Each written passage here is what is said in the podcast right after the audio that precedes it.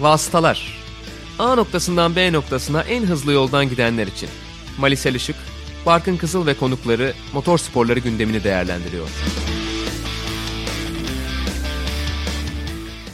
Vastaların 54. bölümüne hoş geldiniz. Bu bölümümüzde Steiermark Grand Prix'sinin ardından sizlerle birlikteyiz. Ben Barkın Kızıl, Malisel Işık'la beraber hem Steiermark Grand Prix'sini hem de geçtiğimiz hafta sonunda yaşananları şöyle bir konuşacağız bu bölümümüzde. Mali hoş geldin. Hoş bulduk. Yine aslında Formula 1 takviminin yoğun olduğu yarışların arka arkaya geldiği dönemlerden bir tanesindeyiz. Bu sezonki kalabalık yarış takvimiyle beraber ve Avusturya bir kez daha üst üste iki yarışla tıpkı geçtiğimiz yıl olduğu gibi Formula 1'e ev sahipliği yapacak. Formula 1 ile başlayacağız her zaman olduğu gibi. Dilersen biraz sıralama turlarını konuşarak başlayalım çoğu zaman yaptığımız gibi. Burada en dikkat çekici noktalardan bir tanesi Valtteri Bottas'ın enteresan hatasıyla beraber 3 sıralık bir ceza almasıydı. Yine aynı şekilde Yuki Tsunoda'ya da bir ceza geldi tabii ki. Bu iki isim istediklerinin biraz uzağında başlamış oldular ki aslında ikisi de çok iyi sıralama turu performansları ortaya koymuştu. Bu anlamda belki daha da iyi olabilirdi. Onlarla beraber bir de Ferrari'lerin altını çizmek lazım.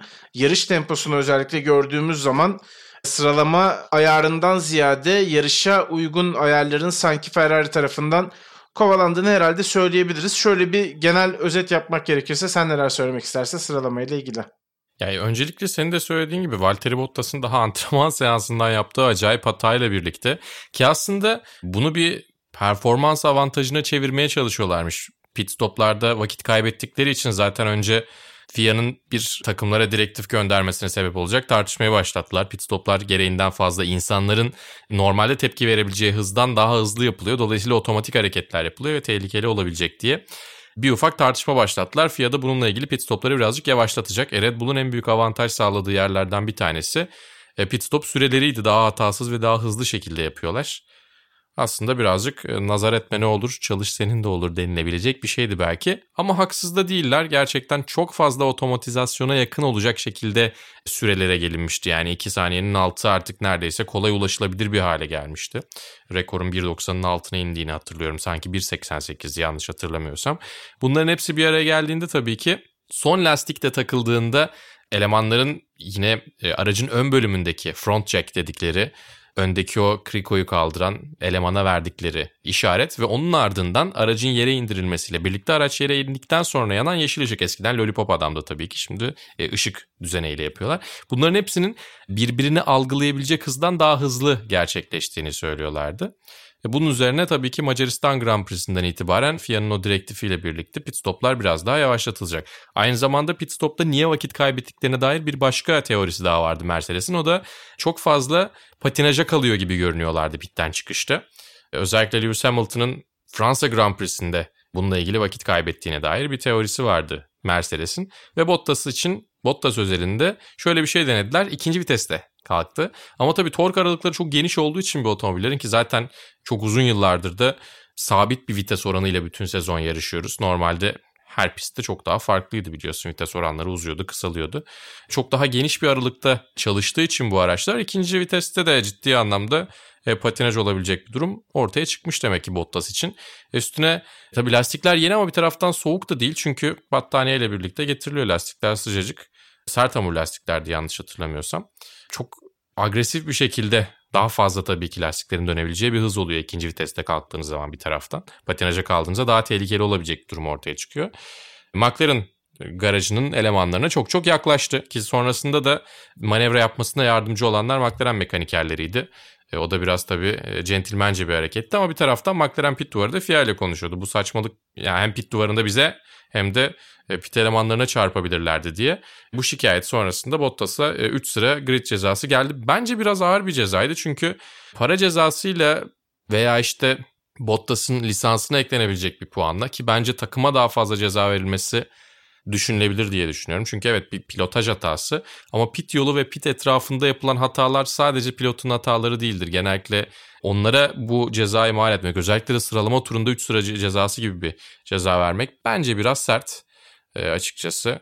Çok doğru bir karar diye düşünmüyorum. Sağlam bir para cezası verebilirlerdi. Belki normalde işte 10 bin euro, 20 bin euro, 30 bin euro tarzı bir şeyler varsa belki 100 bin euro ceza verebilirlerdi özellikle de bütçe kısıtlaması olan bir zamanda takıma daha fazla etki edebilirdi belki böyle bir şey kovalıyorlarsa güvenlik anlamında. Ama Bottas'ın sportif olarak cezalandırılması bana çok doğru gelmedi açıkçası. E belki de o olmasaydı, o 3 sıra cezası olmasaydı herhalde Max Verstappen'le mücadele edemezlerdi ki Bottas yarıştan sonra da onu söyledi. Ama en azından çok rahat bir şekilde 2 e, ve 3 bitirebilirlerdi. Yine kendi aralarında mutlaka yer değiştirirlerdi diye tahmin ediyorum Hamilton'la. Ama zaten birazdan konuşacağız. Perez'in önünde risk altında olmayabilirdi Valtteri Bottas yarışı ikinci cepten başlamış olsaydı. E çok daha iyi bir sıralama sonucuyla takım arkadaşını geçmiş olacaktı. Bu anlamda da biraz moral depolamış olacaktı. Bunların hepsini Cuma günü e, saçma sapan bir sebepten kaybetmiş oldu.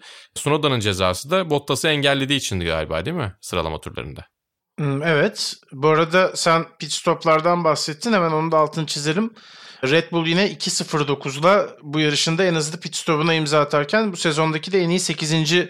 pit stopu gerçekleştirmiş. Yani Mercedes'in bu iddiasının altının ne kadar dolu olduğunu da aslında bize gösteriyor. Onu da söylemek lazım. E tabii çok ciddi fark yaratıyorlar bu sene pit stoplarda ve e, pit stop süresiyle birlikte yarış kazandıkları oldu doğrusu. Daha hızlı pit stop yaparak. Evet zaten ne kadar kritik olduğunu gördük. Hatta işte Red Bull'un yaptığı bir yavaş pit stopta yarışı yine etkiledi. Orada da öne çıkan unsurlardan bir tanesiydi ama sıralamada kalalım Mali. Çünkü özellikle Ferrari'nin çok ciddi bir yarış ve sıralama turu farkı olduğunu gördük. Bundan da istersen biraz bahsetmek iyi olabilir. Aynı şekilde sıralamada iyi gözüküp yarışta çok çok istediğini alamayan da bir Alfa Tauri vardı. Yani takım takım giderken de bunu değerlendirebiliriz istersen. Tabii George Russell özelinde de yine işte sıralaması ve yarışının gidişatı arasındaki farkı konuşabiliriz. Nasıl yapalım? İstersen sıralamayı noktalayalım, yarışa geçelim. O şekilde de yapabiliriz. E bir de bir taraftan şöyle yapabiliriz. E, sıralama turuyla yarış temposu arasında çok ciddi fark olan iki tane takım var. Öyle görünüyor en azından şimdilik. Alpin sıralamalarda hakikaten çok iyi görünüyor. Pazar günleri şimdiye kadar çok sağlam performans sergiledikleri yarış çok görmedik doğrusu. E Ferrari'nin değişiyor.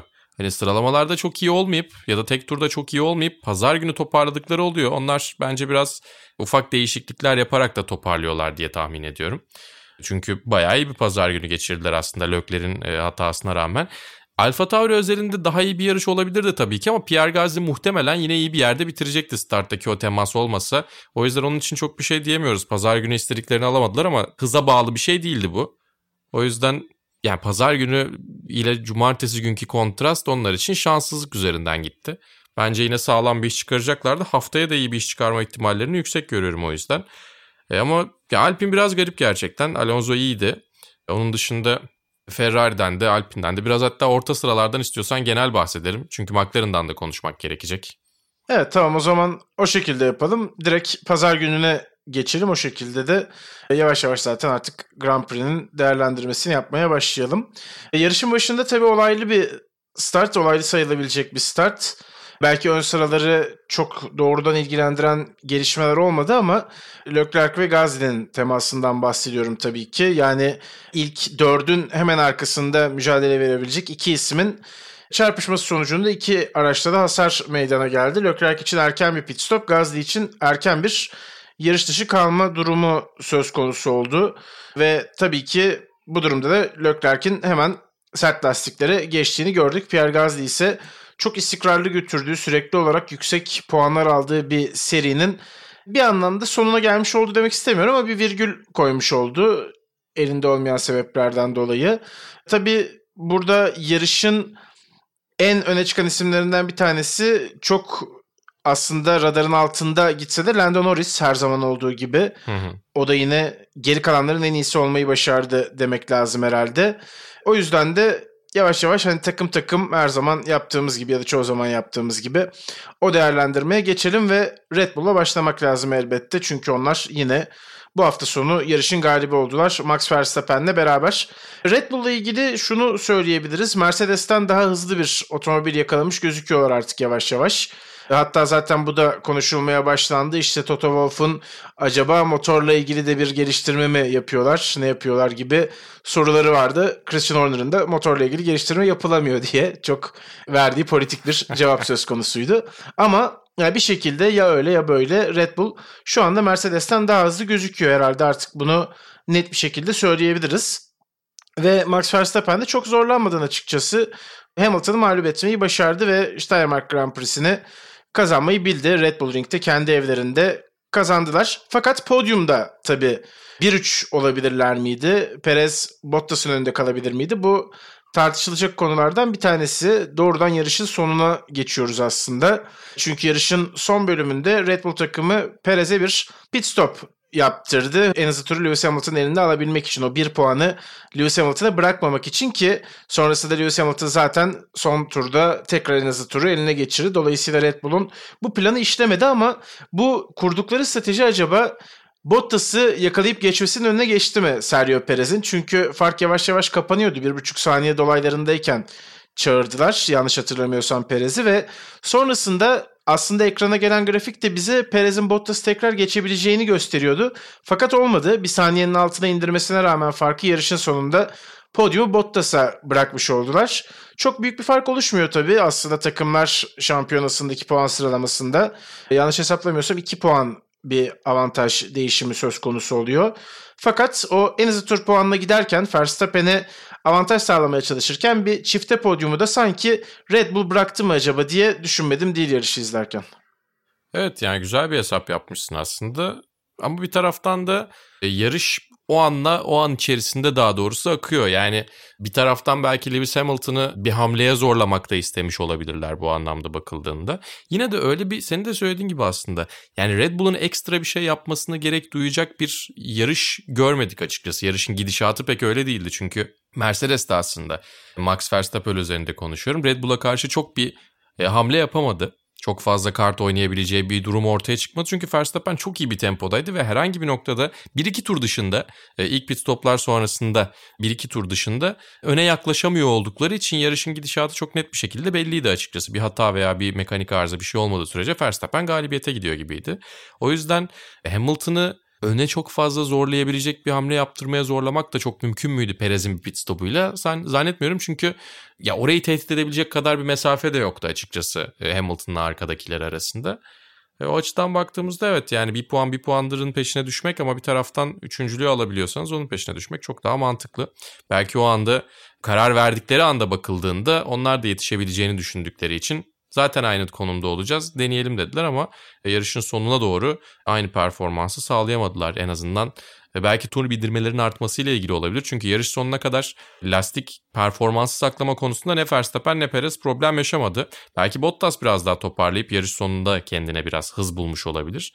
Ama onun dışında tahmin ettikleri gibi olmadı. Yani normalde şey diye düşündüler diye tahmin ediyorum. O an içerisinde kararın verildiği anda. Biz zaten yarışın sonuna doğru son turlara doğru aynı konuma tekrar gelebiliriz gibi duruyor Bottas'ın arkasına.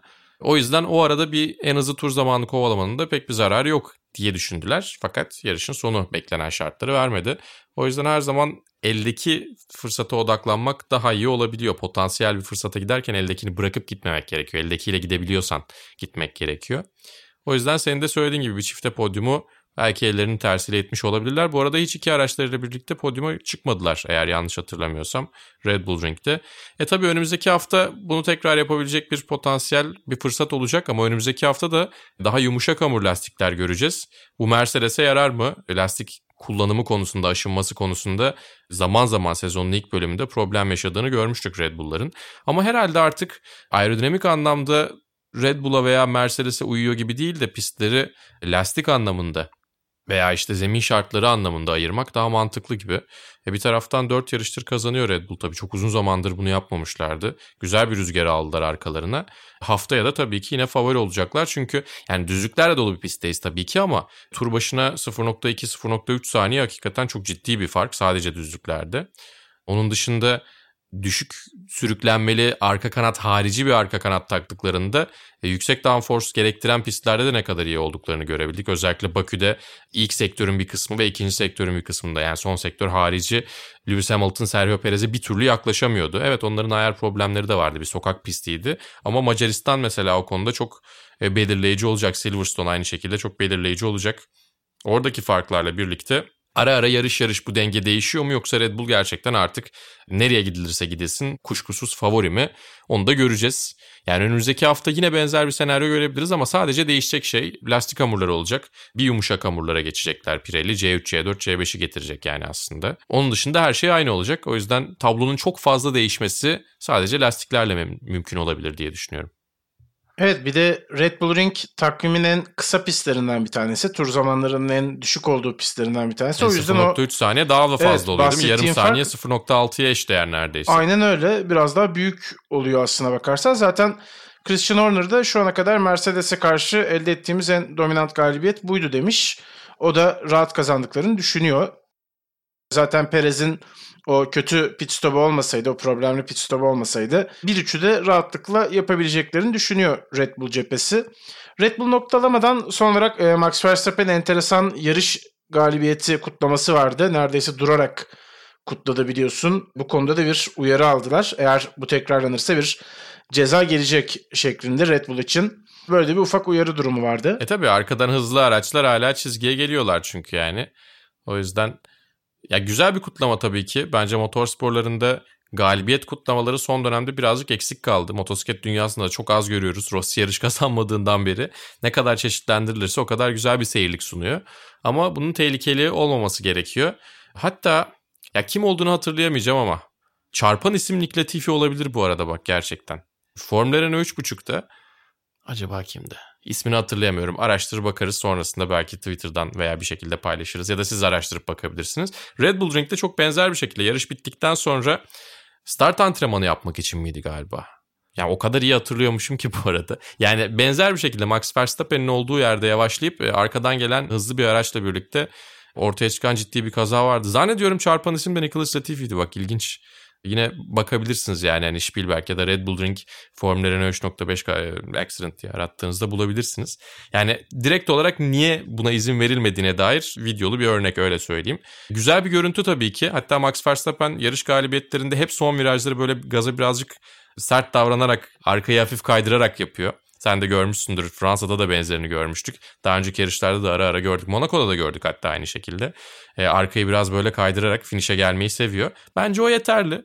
Çok yavaşlayıp da e, uzun süre lastik yakmakta arkadan gelen sürücüler için yarış çizgisi üstünde olmasa dahi tehlikeli. Çünkü yarışın sonu hala yani hala yarışanlar var, hala yarış hızında olanlar var.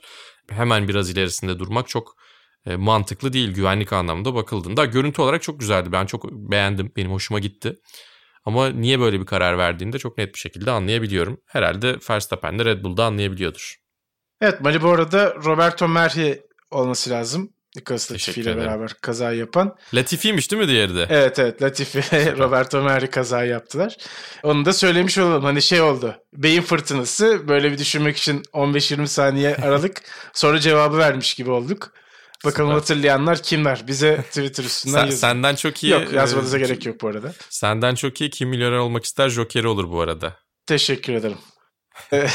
Mercedes'e devam edelim. Madem Red Bull'u konuştuk. Mercedes cephesinde tabii uzun yıllar sonra ilk kez bir rakibin gerisinde kalmak gibi bir durum söz konusu. Ve takımdan farklı sesler de çıkmaya başlıyor. Lewis Hamilton artık Verstappen'le çok mücadele edemediklerinin aslında kendisinin yapabileceği çok bir şey olmadığının altını çizmeye başladı. Takımdan güncelleme istedi bir yandan. İşte Toto Wolff'un önümüzdeki yıl odaklanmamız lazım. Bu yıl artık çok fazla güncelleme yapmayacağız. Yaptığımız güncelleme de Red Bull'u geçip geçmemek konusunda bize bir garanti vermiyor tadındaki açıklamaları. Gerçekten enteresan bir durum oluyor. Yani son çok uzun yıllardır diyelim, son yıllar demeyelim, uzun yıllardır Mercedes'i çok ciddi anlamda tehdit eden bir rakip var. Evet belki yakın dönemde işte bunu ufak ufak gösteren takımlar olmuştu ama Mercedes'ten daha büyük bir favori haline gelen herhalde olmamıştı diyebiliriz. Ve yavaş yavaş da sezon ilerliyor tabii. Hep çok erken çok erken diye bahsediyoruz. Ama şu anki durumda ve geçen düzeltiyorum gelecek seneki kural değişimine yapılan yatırımlarla beraber de yavaş yavaş acaba Mercedes'in başaltı favori haline geldiğini de söyleyebilir miyiz? Çünkü bana artık öyle gelmeye başladı. Evet yani geçtiğimiz yıllarda ara ara Ferrari'nin daha sezona güçlü başladığı veya sezon ortasına kadar önde olduğu kısımlar oldu ama bir sonraki sezon çok büyük bir kural değişikliği ve bütçe kısıtlaması gelmiyordu. Bence en büyük fark o. Çünkü evet. sezon içi gelişimi çok iyi yapan takımlardan bir tanesi Mercedes ki 2017 ve 2018'de bunu çok net bir şekilde görmüştük. Bence en büyük fark o. Şimdi, şimdi sezon içi gelişim yapabilecek ne iş gücü var, insan gücü var bunu yapabilecek ne de bütçeleri var. Çünkü bütçe kısıtlamasıyla birlikte ya önümüzdeki sezonu tercih edecekler ya bu sezona ne varsa ellerinde dökecekler ki birkaç sene boyunca sabit kalacak bir kurallar bütününe yatırım yapmayı daha mantıklı buluyorlar. Ama Red Bull'la bu kadar yakın olmalarıyla birlikte tabii şu anda bundan sonra araca güncelleme getirmeyi düşünmüyoruz dedi Toto Wolff ama bu tamamen akıl oyunları da olabilir. Red Bull'u rahatlatmak için de bunu söylüyor olabilirler ya da gerçekten bırakıyor olabilirler çünkü bu noktadan sonra artık önümüzdeki yıllara daha uzun vadeye baktığımızda eksi yazmaya başladı diye düşünüyor olabilirler. Ee, çok ince bir detay ve bir taraftan bunu düşünebilmek zorunda kalmaları bütçe kısıtlaması anlamında bakıldığında ne kadar doğru bir karar verdiğini FIA'nın gösteriyor. Yani normalde sorunların üstüne balya balya para atarak çözebiliyordunuz Formula 1'de sezon içi gelişim özelinde konuşuyorum. Eğer iyi bir yapılanmanız varsa tabii ki sadece para atarak değil ama yani bunu böyle sağlayabiliyordunuz en azından. İyi bir yapılanma, iyi bir sistem ama ciddi anlamda da maddi kaynaklar. E şimdi bunu engelleyen, bunun belli bir limitin üstüne çıkmasını engelleyen bir sistem geldikten sonra ortalık birazcık daha dengeli hale geliyor. Tabii ki yine zirve takımları yani Formula 1'in 2010'dan itibaren bütün şampiyonluklarını alan takımları konuşuyoruz. Red Bull ve Mercedes anlamında yani ne Red Bull mazlum ne Mercedes tamamen bir kötü adam. Sonuçta bu kuralların gelmesine sebep olan Formula 1'deki kural değişikliklerine daha doğrusu sebep olan son dönemdeki e, en büyük iki takımdan bahsediyoruz. Ya bu bence olumlu çünkü pilotların da biraz ortaya çıkması gerekiyor tabii ki. Önümüzdeki yıldan itibaren tabii araçlar ne kadar pilotları ön plana çıkaracak hale gelecekler onu da göreceğiz. O da çok kritik bir şey ama e, bütçe kısıtlaması özelinde bakıldığında bence e, ortaya güzel bir şey çıkıyor. Yani sezonun sonuna kadar zorlayıp yine de bir sonraki sezona ayrıca bir ekibi çalıştırabilecek bütçesi olamaması takımların bence olumlu bir şey. En azından birinci ile sonuncu arasındaki farkı biraz daha kapatacak gibi düşünüyorum. Ama tabii burada Red Bull nasıl bir karar verecek? Çok uzun zamandır şampiyon olmadılar. Ellerinde bir fırsat var ve bunu sonuna kadar kullanmak yerine bir sonraki kural değişikliğinde önümüzdeki yıldan itibaren iyi bir şeyler yapabilme, şampiyon olabilme ihtimalini mi kovalamalılar? Çünkü az önce bahsettik işte Sergio Perez'in pit stopundan da bahsettik. Biri makro, biri e, mikro çok. iki farklı örnekten bahsediyoruz belki ama bu ikisi birbirine çok benziyor diye düşünüyorum o anlamda bakıldığında. Ölçek farkı var sadece. Ve Red Bull bence eldeki fırsatı değerlendirip e, Mercedes'i hibrit döneminde yendik demek istiyor. Ve bu yüzden de sezon sonuna kadar yapabildikleri kadar zorlayacaklar. Mercedes bence sezon sonuna kadar Red Bull'a eşlik etme e, niyetinde değil. Ama tabii bu bu sezonu tamamen boşa çıkardıkları anlamına da gelmiyor. Eldeki malzemelerle bir şekilde döndürmeye çalışacaklar. Ve bir taraftan dediğim gibi yani öyle çok da geride değiller belki. Yani şu anda e, Red Bull'un bir rüzgarı arkasına almış olması bir iki yarış içerisinde işlerin tekrar dengeye gelmemesi anlamına gelmiyor. Takımlar şampiyonasında farkı çok güzel açıyorlar bu arada. O fena değil. Bu yarışta birazcık kapanmış olsa da. E, ama yani pilotlar şampiyonasında zaten arada çok ciddi bir fark yok. O yüzden ben sezon sonuna kadar e, keyifli bir mücadele izleyeceğimizi düşünüyorum. Ama tabii ki kim sezonun sonuna kadar bütün kaynakları buraya ayıracak onu da gerçekten bilmiyorum. Kendileri de bilmiyordur diye tahmin ediyorum. Evet yani bu sezonu kazanırken önümüzdeki dönemi çöpe atmamak da önemli olacak ama tabii bu anlamda Red Bull'un aslında biraz daha ikilemde olduğunu belki düşünebiliriz. Çok uzun yıllardır aradıkları şampiyonluk şansı şu anda ayaklarına geldi ve güçlü bir şekilde geldi. Ya varken denemek lazım da, diye düşünüyorlar onlar da. Evet denemesi lazım. Yani bir şampiyonluk almak tabii ki çok iyi olur kendileri adına. Bayağıdır arıyorlar az önce de dediğim gibi. Bakalım nasıl olacak? Önümüzdeki sezona nasıl yansımaları olacak? Bunların hepsini de zaten birlikte takip etmeye devam edeceğiz. O zaman şimdi takımlar şampiyonasındaki sıralamayla devam etmek lazım. O yüzden McLaren'dan devam edelim. Lando Norris'in hafta sonu boyunca yine çok iyi bir performansı vardı. Aslında antrenmanlarda McLaren'lar sanki biraz zayıf gözüküyorlardı. Gerilerde gözüküyordu tur dereceleri ama Lando Norris özellikle sıralama turlarında bunun böyle olmadığını gösterdi. Zaten yarışta da o performansını devam ettirdi. Bu sezon gerçekten çok formda makine gibi sürüyor otomobili. Yani çok az hata yapıyor, çok hızlı, hiç bir problem de yaşamıyor. İyi gidiyor her şey onun için. Fakat Daniel Ricciardo için hala aynı şey söz konusu değil gibi. O beklediğinden daha zorlu bir rakip buldu. Lando Norris karşısında biraz daha bence onun tahmin ettiğinden daha güçlü bir performans ortaya koyuyor ve kendisi de hala biraz bana sorarsan potansiyelin tamamını yansıtabilmiş değil. Burada hoş bir motor problemi yaşamış yarış içinde ama yani sıralama performansı olarak da antrenmanlarda da yine bahsettiğim gibi çok iyi gözükmemişti aslında Ricardo. İki pilotu arasında en büyük fark bulunan takımlardan bir tanesi gibi gözüküyor şu anda McLaren. Ama Lando Norris'in çok iyi performansı ki şu anda sürücüler şampiyonasında da Bottas'ın önünde zaten. Bu bile ne kadar iyi olduğunu gösteriyor şu ana kadar sezonunun. E, McLaren'ın yüzünü güldürmeye devam ediyor demek lazım herhalde. Evet yani Lando Norris hem istikrarlı hem hızlı hem tek turda iyi hem yarış temposu iyi hem geçiş yapabiliyor. Yani şu ana kadar zaman zaman pistteki en iyi ikinci pilot desek herhalde yanlış olmaz. Çünkü Verstappen'in ya da Hamilton'ın biraz hatalar yaptığı geride olduğu yarışlarda e, pistte yine iyi işler yapan ve o fırsatı kovalayan, o fırsatları değerlendiren isimlerden bir tanesi Norris. Yani geçtiğimiz yıla da iyi başlamıştı aslında. Geçtiğimiz yılda yine burada Red Bull Ring'de, Spielberg'de güzel bir başlangıç e, onun için Formula 1'deki ilk podyumuyla birlikte. Sezonun geri kalanında ara ara tabii ki dengeler değişmişti. Bu sene çok daha sağlam, çok daha istikrarlı gidiyorlar. Ve Mercedes güç ünitelerine geçmeleriyle birlikte belki bunun etkisi olabilir. Ki böyle diyoruz gerçi ama Daniel Ricciardo yarış içerisinde bir güç kaybı da yaşadı. Hı hı. Yani Lando Norris önümüzdeki yıllardan itibaren eğer yeni kurallarla birlikte McLaren yarış kazanabilecek bir seviyeye gelirse şampiyonluk adayı olabilecek bir kumaş gösteriyor. Ama tabii ki pek çok şeyin bir araya gelmesi gerekiyor Formula 1'de şampiyonluk adayı olabilmeniz için dahi. Umuyoruz e, bu bir araya gelmesi gereken şeylerin sayısı ve ciddiyeti daha doğrusu seviyesi biraz daha azaltılacaktır yeni kurallarla birlikte. Ama Daniel Ricciardo'nun da önümüzdeki yıldan itibaren tabii yine tamamen herkes yeni şeylere adapte olmaya çalışacak.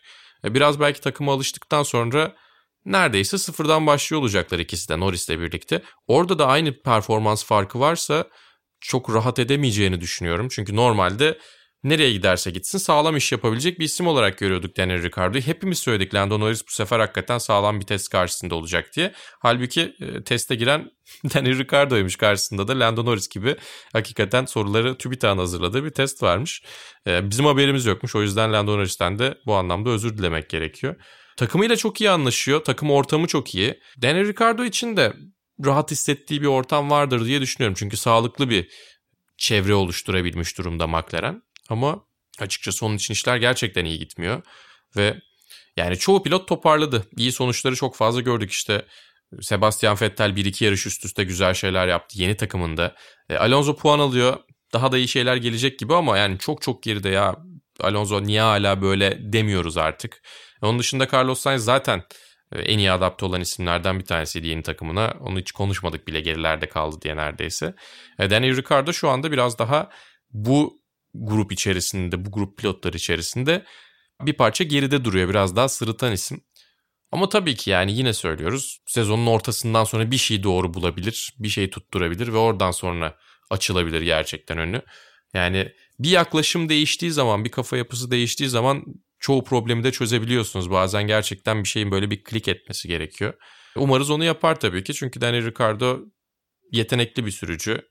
İzlemesi keyifli bir sürücü aynı zamanda ve özgüvenli olduğu zaman çok daha güzel bir seyirlik sunuyor bize. Ama şimdilik e, birazcık Lando Norris sırtında taşıyor McLaren'ı. Evet öyle gözüküyor gerçekten. Puanlarına baktığımız zaman da zaten 86'ya 34, Ricardo 9. Norris 4. basamakta. Ya ilk yani 4'te Norris'in olmak 86 zaten puan... çok ekstra bir durum. Evet yani Lando Norris'in 86 puan toplamış olması çok acayip bu arada.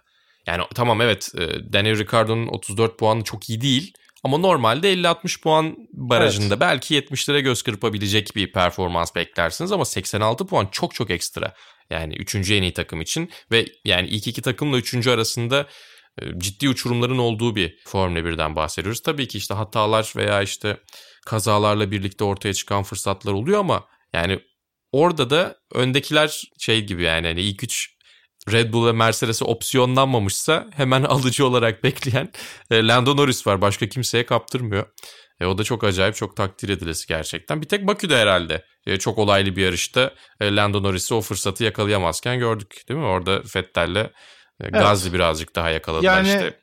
Leclerc de orada. Birilerine kaptırıyorsa da şartlar biraz hani onu sağlıyor gibi. Lando Norris'in o işte fırsatı değerlendirememesine yol açan ekstra faktörler oluyor gibi gözüküyor. Evet, ya evet, da veya en büyük rakipleri de Ferrari gibi gözüküyor diyelim. Öyle bağlayayım Hı-hı. istersen. Evet bir de Ferrari'den Çünkü bahsedelim. onlar da yani e, McLaren'a çok yakın bir performans ortaya koyuyorlar ki işte bu yarışta da korkunç kabus gibi bir başlangıç yapan Leclerc'in tırmanışını izledik. Zaten yarışın sürücüsü de seçildi. Bunun dışında Sainz 6, Leclerc 7. oldu ve Carlos Sainz da belki Norris'i geçebilirdik ama Hamilton'a tur bindirme sırası da yol verdiğim için sonrasında istediğim tempolara bir daha dönemedim dedi. McLaren'ı hız olarak zorlayabileceklerini düşünüyordu İspanyol sürücü. Bunun dışında tabii programın başında da bahsetmiştik aslında. Sıralama performansı ile yarış performansı arasında uçurum olan bir Ferrari gördük burada ama çok da hızlı bir Ferrari gördük bunun dışında. Yani Leclerc özellikle tırmanışını gerçekleştirirken farklı markalardan farklı sürücüleri, otomobilleri teker teker geride bıraktı rahatlıkla ve bir pit stop fazla yaparak da aslında alabileceği en iyi sonucu almış oldu herhalde iki Ferrari'de. Yani bundan bir iyi sonuç Norris'i geride bırakmaları olabilirdi. Bunun dışındaki zaten ilk dört senin de dediğin gibi az önce çok gerçekçi değil. Bu anlamda iyi bir hafta sonu geçirdiğini söylemek lazım herhalde Ferrari'nin. Eh, evet yani e, Leclerc de zaten ilk turdan sonraki kısmı kariyerimin en iyi yarışlarından, Ferrari ile daha doğrusu en iyi yarışlarımdan bir tanesi olarak nitelemiş. Bence ilginç çünkü yani Ferrari ile yarışlar da kazandı, çok iyi sürüşler de yaptı. Ama bunu o kadar sağlam görüyorsa gerçekten araçtan çıkarılabilecek maksimumu çıkardığına inanıyor. Ama bir taraftan da mutlu olmadığını söylüyor çünkü yani ilk turdaki hata yaptıktan sonra 7. bitirebildik. Bu aracın bu performansın 7.likten çok daha yukarıya çıkabileceğini düşünüyordu. Ama senin de söylediğin gibi en fazla 5-6 bitirirlerdi. Yine çok iyi olurdu tabii de. Yani çok daha fazla bir yere de gitmiyordu. Ciddi puanlar kaybetmediler. Gerçekten iyi bir e, telafi sürüşü oldu e, Charles'lerden. Ama bu arada yani şanslıydı da çünkü e, o geçişleri yaparken sağ arka lastiğiyle Kimi Raikkonen'in ön kanadını birazcık götürdü. Orada lastiğinin patlamaması da biraz Sherlock'lerin şansı. Çünkü hiç puan da alamayabilirdi doğrusu ufak temas sonrasında.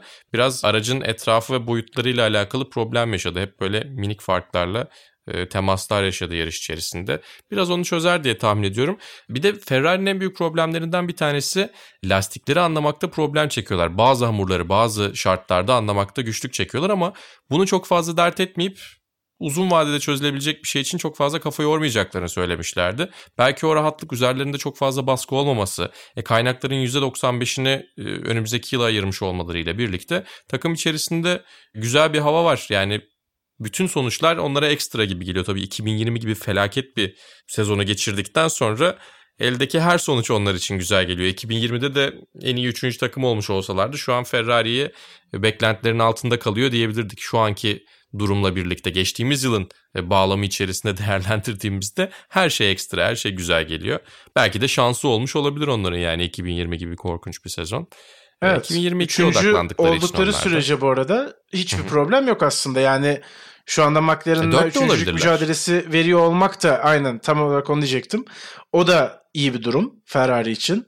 3 olurlarsa harika olur. 4 olurlarsa yine çok kötü olmaz herhalde öyle düşünmek lazım bu sezon için. Hı-hı.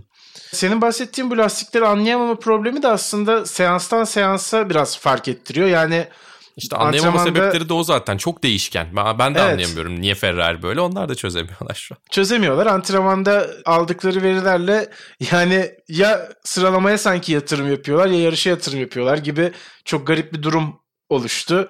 İşte burada yarışa daha çok odaklandıklarını gördük. Fena da olmadı onlar için. Bakalım e, tabii bu pistte üst üste iki yarış olmasını değerlendirebilecek takımlardan bir tanesi de onlarda olacak mı? Olabilirler. Çünkü muhtemelen ayar konusunda en kararsız kalan takımlardan bir tanesi olduklarını söylemek lazım Ferrari'nin. Alfa ile devam ediyoruz. Onlar da tabii Pierre Gasly'yi çok erken kaybederek aslında yarıştaki iddialarını bir anlamda yitirmiş oldular. Buna rağmen Sunoda'nın çok iyi bir performansı vardı. Yine bu İtalya'ya taşınma hadisesinin ardından gelen iyi sonuçları devam ediyor Japon pilotun. Evet yani puan alabilecek, düzenli bir şekilde puan alabilecek yere aşağı yukarı kendisini getirdi. Ee, ama Frans Tost'la ilgili de güzel bir şey söylemiş istiyorsan sen onu anlat Barkın. Evet, tost üstümde baskı kurdu demiş. Biz de dedik ki tostun üstünde de baskı kurmak lazımdır. Yoksa hani usulüne göre olmaz. Lezzetli olmaz diyorsun. Olmaz evet. ee, geçiyorum Alfa Tauri'ye. Alfa, Aston Martin'e devam edeceğiz. E, Alfa Romeo beni andı çünkü. Aston Martin'de de aslına bakarsan enteresan performanslar görüyoruz diyebiliriz herhalde. Stroll Vettel çekişmesi birbirine yakın gidiyor. İşte Vettel'in son dönemlerde daha iyi performanslar ortaya koyduğunu görüyorduk.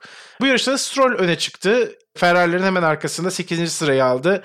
Alonso'yu geride bırakmayı başardı ki Alonso da iyi bir yarış geçirdi. Birazdan bahsederiz.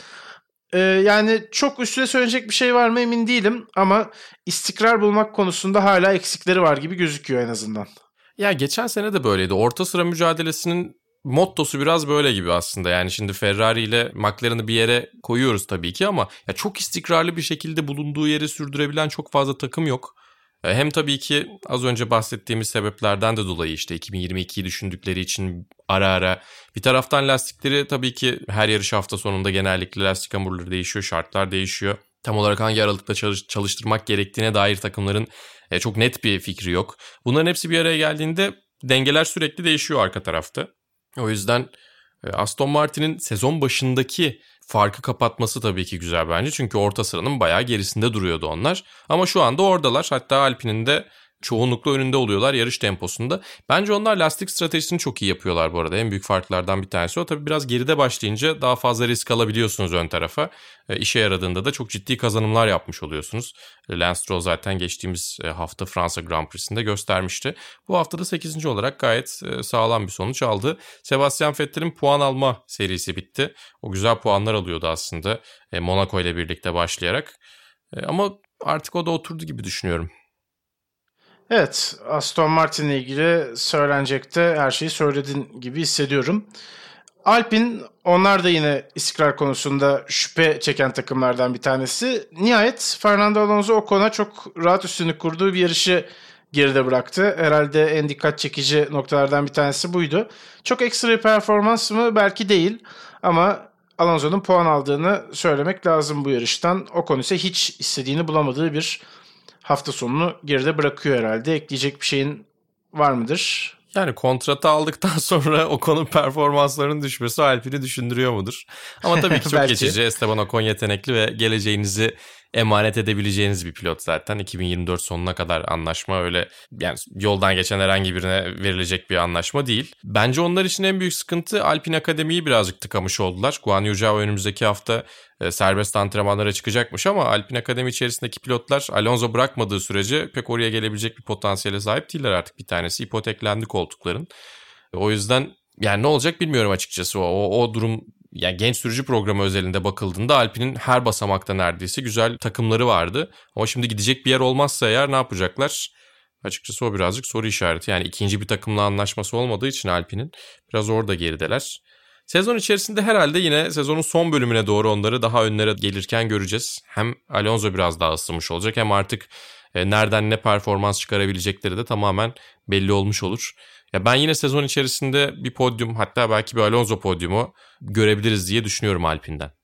Evet sürpriz bulursa değerlendirebilecek takımlardan bir tanesi. Çok öyle gözükmeyen takımlardan bir tanesi Alfa Romeo. Ama Raikkonen'le fena bir yarış geçirmediler. Puanın hı hı. kıyısından döndü onlar da. Yani yine aslında o bir puana, bir ya da iki puana gitmeye çalışan bir Alfa Romeo gördük ama çok ekstra bir şey de yaptıklarını söylemek herhalde pek mümkün değil bu yani yarışta. onlar artık bir arka sıra takımı değiller ama hala bir orta sıra takımı da değiller. Evet iki puan topladılar zaten bu sezon şu ana kadar. Williams ve Haas'ın önünde yollarına devam ediyorlar. E, Williams'la ilgili konuşacak şeylerimiz var. George Russell çünkü çok iyi bir hafta sonu geçiriyordu. İşte Q2'ye kaldı zaten 11. sırayı aldı. Ve belki Q3'e kalmaktan daha kendisine fayda sağlayabilecek bir sonuçtu. Bu istediği lastikle yarışa başladı sonuçta. Aha. Yani 10 olma ihtimali çok yüksek Q3'e devam etse. Dolayısıyla 11.lik belki de alabileceği en iyi sonuç diyebiliriz. Puan almak bir de Sonoda'nın cezasıyla zaten 10. başlamış oldu. Ha, aynen öyle. Müthiş, müthiş oldu yani gerçekten onlar için. Tam istedikleri noktadan başladıkları bir yarış ama bu kez de işte e, otomobildeki bir mekanik arıza nitrojenin konmaması diyelim. Sen birazdan açıklarsın. Sen teknik terim verdin tabii. E, Aynen şey öyle. diye puanlarına mal olmuş oldu. Yani o puanı herhalde alacak bu sezon bitmeden ama ne zaman alacak? hala yani bekliyoruz. araç artık yani Fransa Grand Prix'sinde de bu arada aracın hızından ve performansından çok memnunlardı. Önde bir şeyler olmasına bakmaksızın puan barajını zorlayabilecek bir seviyeye geldi George Russell'la birlikte Williams sanki. Çünkü yani uzun zaman sonra 2 yıl sonra neredeyse ilk defa bütün araçların yarışı tamamladığı bir Grand Prix geride bırakmıştık ve 12. sırada finish görmüştü Williams. O yüzden puan alacaklar gibi duruyor gerçekten. Ee, biraz aracın rüzgar hassasiyetini azalttılar. Bargeboard kısmında özellikle e, geliştirmeler yaptılar. E, bunun da faydasını bir taraftan George Russell'ın iyi sürüşüyle birlikte görüyorlar. Craig Scarborough benim teknik anlamda kafama bir şeyler yatmadığında kullandığım kaynaklardan bir tanesi. Diğeri de Albert Fabrega zaten. E, Twitter'da şöyle yazmış. Tamamen onu çevireceğim çünkü yani aktarabileceğim bilgim o kadar öyle söyleyeyim. Motor içerisinde, güç ünitesi içerisinde valflerin metal yayları olmadığını söylüyor. Dolayısıyla hidrojenle, gazla e, opere edilen yaylar var ve valflerin içerisinde de nitrojen var diye söylüyor. Eğer doğru çeviriyorsam, doğru anlatıyorsam. Sistemde bir kaçak olduğunda dışarıdan ekleme yapılması gerekiyor. Diyor ki pitte zaten onu görmüştük bir nitrojen tankıyla gelip aracın sidepod kısmından ekleme yaptılar. Ama e, o problem devam ettiği için de bir kez daha pite gelmek zorunda kaldı. Ardından yarışa devam edemediler ki yani sadece bir puan değil 8.lik 7.lik falan kovalıyordu. Yine yazık oldu açıkçası ama eskisi kadar üzülmemeleri de bence güzel bir gösterge. Çünkü bu fırsatı bir daha yakalayamayız üzüntüsü görmedim ben ne George Russell'da ne Williams'ta. O yüzden onlar puan alacaklar gibi duruyor bu sene. Evet önümüzdeki hafta bile alabilirler. Sonuçta pist aynı pist, araç aynı araç. Tabii lastikler farklı olacak sen de söyledin. Hava şartları nasıl olacak onu şimdiden kestirmek zor. Ama fırsat gelebilir ayaklarına demek lazım. Haas'la ilgili söylenecek çok bir şey yok gibi. Mazepin'e verilen topaç gündem maddelerinden bir tanesi Haas'la ilgili. Ya çok sempatik karşılamış bir de Nikita Mazepin. Hiç öyle surat falan şey yapmamış. Bayağı karşılıklı şakalaşıyorlar. Açıkçası sempati duydum o görüntüye, o videoya. Günter Steiner de şakacılığına devam ediyor. Oradan iyi bir kanal buldu kendine tabii yani. Hani Netflix falan da şey yapıyor. Biz de burada övüyoruz ediyoruz. O şeyin sosyal medya ekmeğinin tadını aldıktan sonra bir daha bırakamıyorsun tabii. Evet öyle gerçekten. Böylece Avusturya'daki Steiermark Grand Prix'sini noktalamış oluyoruz. Tabii güzel bir haberimiz var. Bizim haberimiz değil. Herkes öğrenmiştir muhtemelen. Türkiye Grand Prix'si iptal olan Singapur Grand Prix'sinin yerine takvime girdi. 1-3 Ekim tarihlerinde İstanbul Park'ta 9. kez Formula 1'i izleyeceğiz ve muhtemelen de seyircili olacak yarış. Aslında geçen yıl seyircili olmasını çok istiyordu Formula 1 severler ama pandeminin daha sert olduğu aşıların tabii tam olarak çıkmadığı, yapılmadığı bir dönemden geçiyorduk. Bu defa öyle değil ve Ekim ayının başında muhtemelen Formula 1 severler de İstanbul Park'ta yarışı takip edebilecekler. Bu müjdeyle de Formula 1'i kapatalım. Zaten uzun uzun konuştuk bugün. Diğer serilerden şöyle bir kısa kısa haberlerimizi verelim. Bölümü de kapatalım. MotoGP'de Quartararo yarış galibiyetini almayı başardı. Maverick Vinales ikinci, Joamir, Joamir üçüncü oldu. Ve burada daha çok dikkat çeken nokta herhalde Maverick Vinales'i Yamaha ile önümüzdeki yıl devam etmemesi ve onun ardından bu haberin ardından gelen söylentiler Mali. İstersen birkaç cümle bununla ilgili bahsedebiliriz. Onun dışında da zaten Deniz Öncü ve Ayhan Can Güven'den bahsederek kapatacağız. Evet yani bir şekilde yarıştığı süre boyunca neredeyse istikrarsızdı Yamaha ile Maverick Vinales. Ki çok ilginç bence. Yani sadece şu iki yarışı bile düşünürseniz çok akıl sır erdiremediğiniz bir performans ortaya çıkıyor. Yani herhangi bir teknik arıza yaşamadan Sachsenring'de takım arkadaşı gidip orada inanılmaz şeyler yaparken, podyum kovalarken işte ne bileyim tempo olarak bakıldığında arada fersah fersah fark varken hiçbir mekanik arıza yaşamadan sonuncu yarışı bitirip bir sonraki yarışta Assen'de rekorla birlikte pole pozisyonu elde edip startla birlikte 5.liğe düşüp ondan sonra yarışı ikinci bitirmek bir tek Maverick Vinales'ten gördüğüm bir şey. Ya bir şekilde motosikleti de çok fazla suçlayan sürücülerden bir tanesi. Evet yetenekli ama problem çözmekten ziyade biraz daha sızlanma odaklı bir sürücü izlenimi verdi geçtiğimiz yıllarda. Yani bunu tek bir yarış için veya çok kısa bir e, ufak bir veri havuzu içerisinde değerlendirmiyoruz. Yıllardır gördüğümüz davranışlardan ve sonuçlardan böyle bir belki de çıkarıma varıyoruz. Çünkü Yamaha ile dünya şampiyonu olabilecek yeteneğe ve motosiklete sahipti bence Maverick Vinales ama bunu değerlendiremediler. E, olmuyor diye de ayrılmaya karar verdiler ama Aprilia'ya gidecek olması saçma bence. Yani bunu söylüyoruz ama Aprilia evet kendini geliştirdi bu sezon içerisinde. Çünkü ben sezon öncesinde Aprilia'yı kimse istemez demiştim. O yüzden tabii ki e, güzel sonuçlar elde edebilecek ya da en azından ileriye ön, ön taraflara göz kırpabilecek e, performansları tabii ki gösteriyorlar. Beni birazcık utandırmak için. Ama yine de Maverick Vinales için çok büyük bir yeri adım olacak Aprilia. Önümüzdeki yıldan itibaren bir tam anlamıyla bir fabrika takımı olacak tabii Aprilia. Piaggio grubu ne kadar para ayıracak buraya? Ne kadar geliştirmek istiyorlar, ne kadar kazanmak istiyorlar onu bilmiyoruz. Yani bir anda gerçekten turnayı gözünden vurmuş olma ihtimali var mı? Var ama çok düşük bir ihtimal. Yani o kadar mı Yamaha ile iyi anlaşamıyorlardı ki önümüzdeki yıl kocaman bir belirsizliğin içine atacak kendini. Belki de onun yerine düşündükleri başka birileri vardır. Belki Frankie Morbidelli, belki başka birileri. Bilemiyorum açıkçası yani çok ilginç bir karar. Ayrılmaları çok mantıklı, çok makul, beklenen bir karar diyebiliriz belki. E, olması gerekenden daha erken bitirdiler ama yani Aprilia hakikaten ilginç geliyor bana. Zaten sevgili e, İzge'yi de alırız. E, biraz da onunla değerlendiririz. MotoGP tabii 5 haftalık bir yaz arasına giriyor. Hı hı. E, o arada e, bir vasıtaları da onu alıp biraz ona sorarız aslında.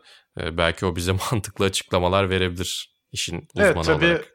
Yamaha mevzu bahis olunca Toprak Razgatlıoğlu ile ilgili de acaba MotoGP olur mu sorusu akıllara geliyor. O da ısrarla Superbike'de şampiyon olmadan gitmeye çok niyetli olmadığını ifade ediyor. Bakalım ne olacak? Doğru şartlar sağlanırsa bence olur. Olmaz diye bir şey yok. Motor sporlarında özellikle olmaz diye bir şey yok. E, yani o pürüzler, engeller, işte sponsorluk çakışmaları şunlar bunlar falan da bence halledilebilir şeyler. E, ama tabii ki o da MotoGP'ye geldiğinde sadece katılmak değil, kazanma fırsatı olacak bir şekilde gelmek istiyor. Onu da öyle anlamak lazım tabii ki. E, buralarda sa- yani gelip sadece e, turlayıp dönmek istemiyor. Ama bence şu anda Petronas Yamaha'da veya işte fabrika Yamaha'sı da toprağın önlere doğru gidebileceği gayet iyi işler yapabileceği motosikletler gibi. Ya umarım gerekli şartlar sağlanır da MotoGP'de e, Toprak Razgatlıoğlu'na galibiyet mücadelesi verirken görürüz. Yani çünkü geldiğinde kesinlikle o grup içerisinde olacaktır. Ona kimsenin şüphesi yok. Moto3'ten bahsedelim kısaca bu arada. E, Deniz Öncü yarışa 15. E, başladı. E, ilk turdan itibaren 10.luğa çıktı ama sonrasında yarış temposuyla ilgili problemleri vardı zannediyorum. 15. sırada bitirdi. Evet istemediğimiz ee, bir Deniz kazandı yarışı diyebiliriz. Evet Deniz Foggia yarışı kazandı. Ee, Sergio Garcia ikinciydi. İki uzun tur cezası çekmesine rağmen Romano Fenati üçüncü oldu. Yarışın dördüncüsü de hastaneden kalkıp gelen Pedro Acosta oldu. Sabah taburcu ettiler çocuğu. Bir gün öncesinde sırtının üstünden motosiklet geçti ki çok korkutucuydu bence. Hani geçtiğimiz yakınlardaki e, olayları düşündüğün zaman hakikaten endişe vericiydi. E, sırt sakatlığından dolayı önce yarışamaz dediler. Sonra sabah galiba yarışabilir dediler. Ki ben birazcık yarış anlatımı içerisinde de şüpheci yaklaştım bu kadar erken. Ne olursa olsun çıkartmamaları gerekiyordu. Çünkü zaten e, ciddi bir fark var ve 5 haftalık bir yaz arasına giriyoruz. Niye zorladılar diye. Ama dördüncü bitirdi yani bir şekilde. Hani Acosta pit yolundan çıktı, yarış kazandı. İşte hastaneden çıkıp dördüncü bitiriyor falan. Hani absürt istatistikleri e, doldurma konusunda da e, iyi işler yapıyor Çaylak Pedro Acosta. E, onun dışında Porsche Super Cup'tan da bahsedelim. İkimiz ayrı kanallarda anlattık. Evet yine farklı kanallarda aynı anda aynı yayını paylaştığımız tek seri bu galiba değil mi Mali? Galiba bu. Daha önce hiç oldu mu acaba onu düşünüyorum ee, ama şu an tabii ben ki de tek düşündüm. seri. Evet şu an Porsche Super Cup var. Hem Esport'tan hem ya. Eurosport'tan da izleyebilirsiniz. Reklamını da yapmış olalım. Hı-hı. Çok aksiyonlu bir yarış olmadı. Red Bull Ring'de Ayhan Can Güven'in tabii yeni takımın evi burası. BWT LNR Racing'in evi sayılır Avusturya. Hatta Grand Prix'nin Steiermark Grand Prix'sinde sponsoruydu BWT. Ama Ayhan Can dışında da LNR Racing pilotları çok iyi değillerdi. Hani hem Simenauer e, hem de Dylan Pereira biraz gerilerde kaldılar. Ayhan Can sıralama turlarında aslında son dakikada attığı iyi bir turla ikinci başladı. Bence starttaki savunması çok iyiydi ne dersin? Evet bence de çünkü bayağı bir baskı altında kaldı. Hem Köhler hem Bokolacci ikisi de çok sıkıştırdılar ama geçmelerine izin vermedi Ayancan. Biraz hatta birbirlerine kırdırdı onları. Evet bir noktaya kadar da Tenford'a karşı da bence baskıyı yarattı ama yarışı sonuna kadar devam ettiremedi. Hollandalı da yine hatasız sürmeye devam ediyor. Son Porsche Super Cup şampiyonu. Pole evet, pozisyonun verdiği avantajı lazım. kullanıyor kesinlikle. Monaco'da da aynısını görmüştük. Burada da öyle oldu. Senin dediğin gibi Lehner sürücüleri arasında da Ayhan Can yine en iyi isim olarak öne çıkıyor ki çok kaliteli de bir kadro kurdular. Hem evet, Dylan Pereira hem Jean-Baptiste Simonoer çok güçlü isimler Porsche serilerinde. Ama yani hiçbiri Ayancan'a da çok yaklaşıyor diyemeyiz bana sorarsan. Bu şekilde ikincilikle sezon ikinci yarışı da geride kaldı. Önümüzdeki hafta yine var. Hem vasıtalar hem Formula 1 hem de Porsche Super Cup. O yüzden bu haftalık noktalayalım. haftaya görüşürüz diyelim. Üçüncü sezonumuzun 11. bölümünün de sonuna geliyoruz. Hoşçakalın. Hoşçakalın.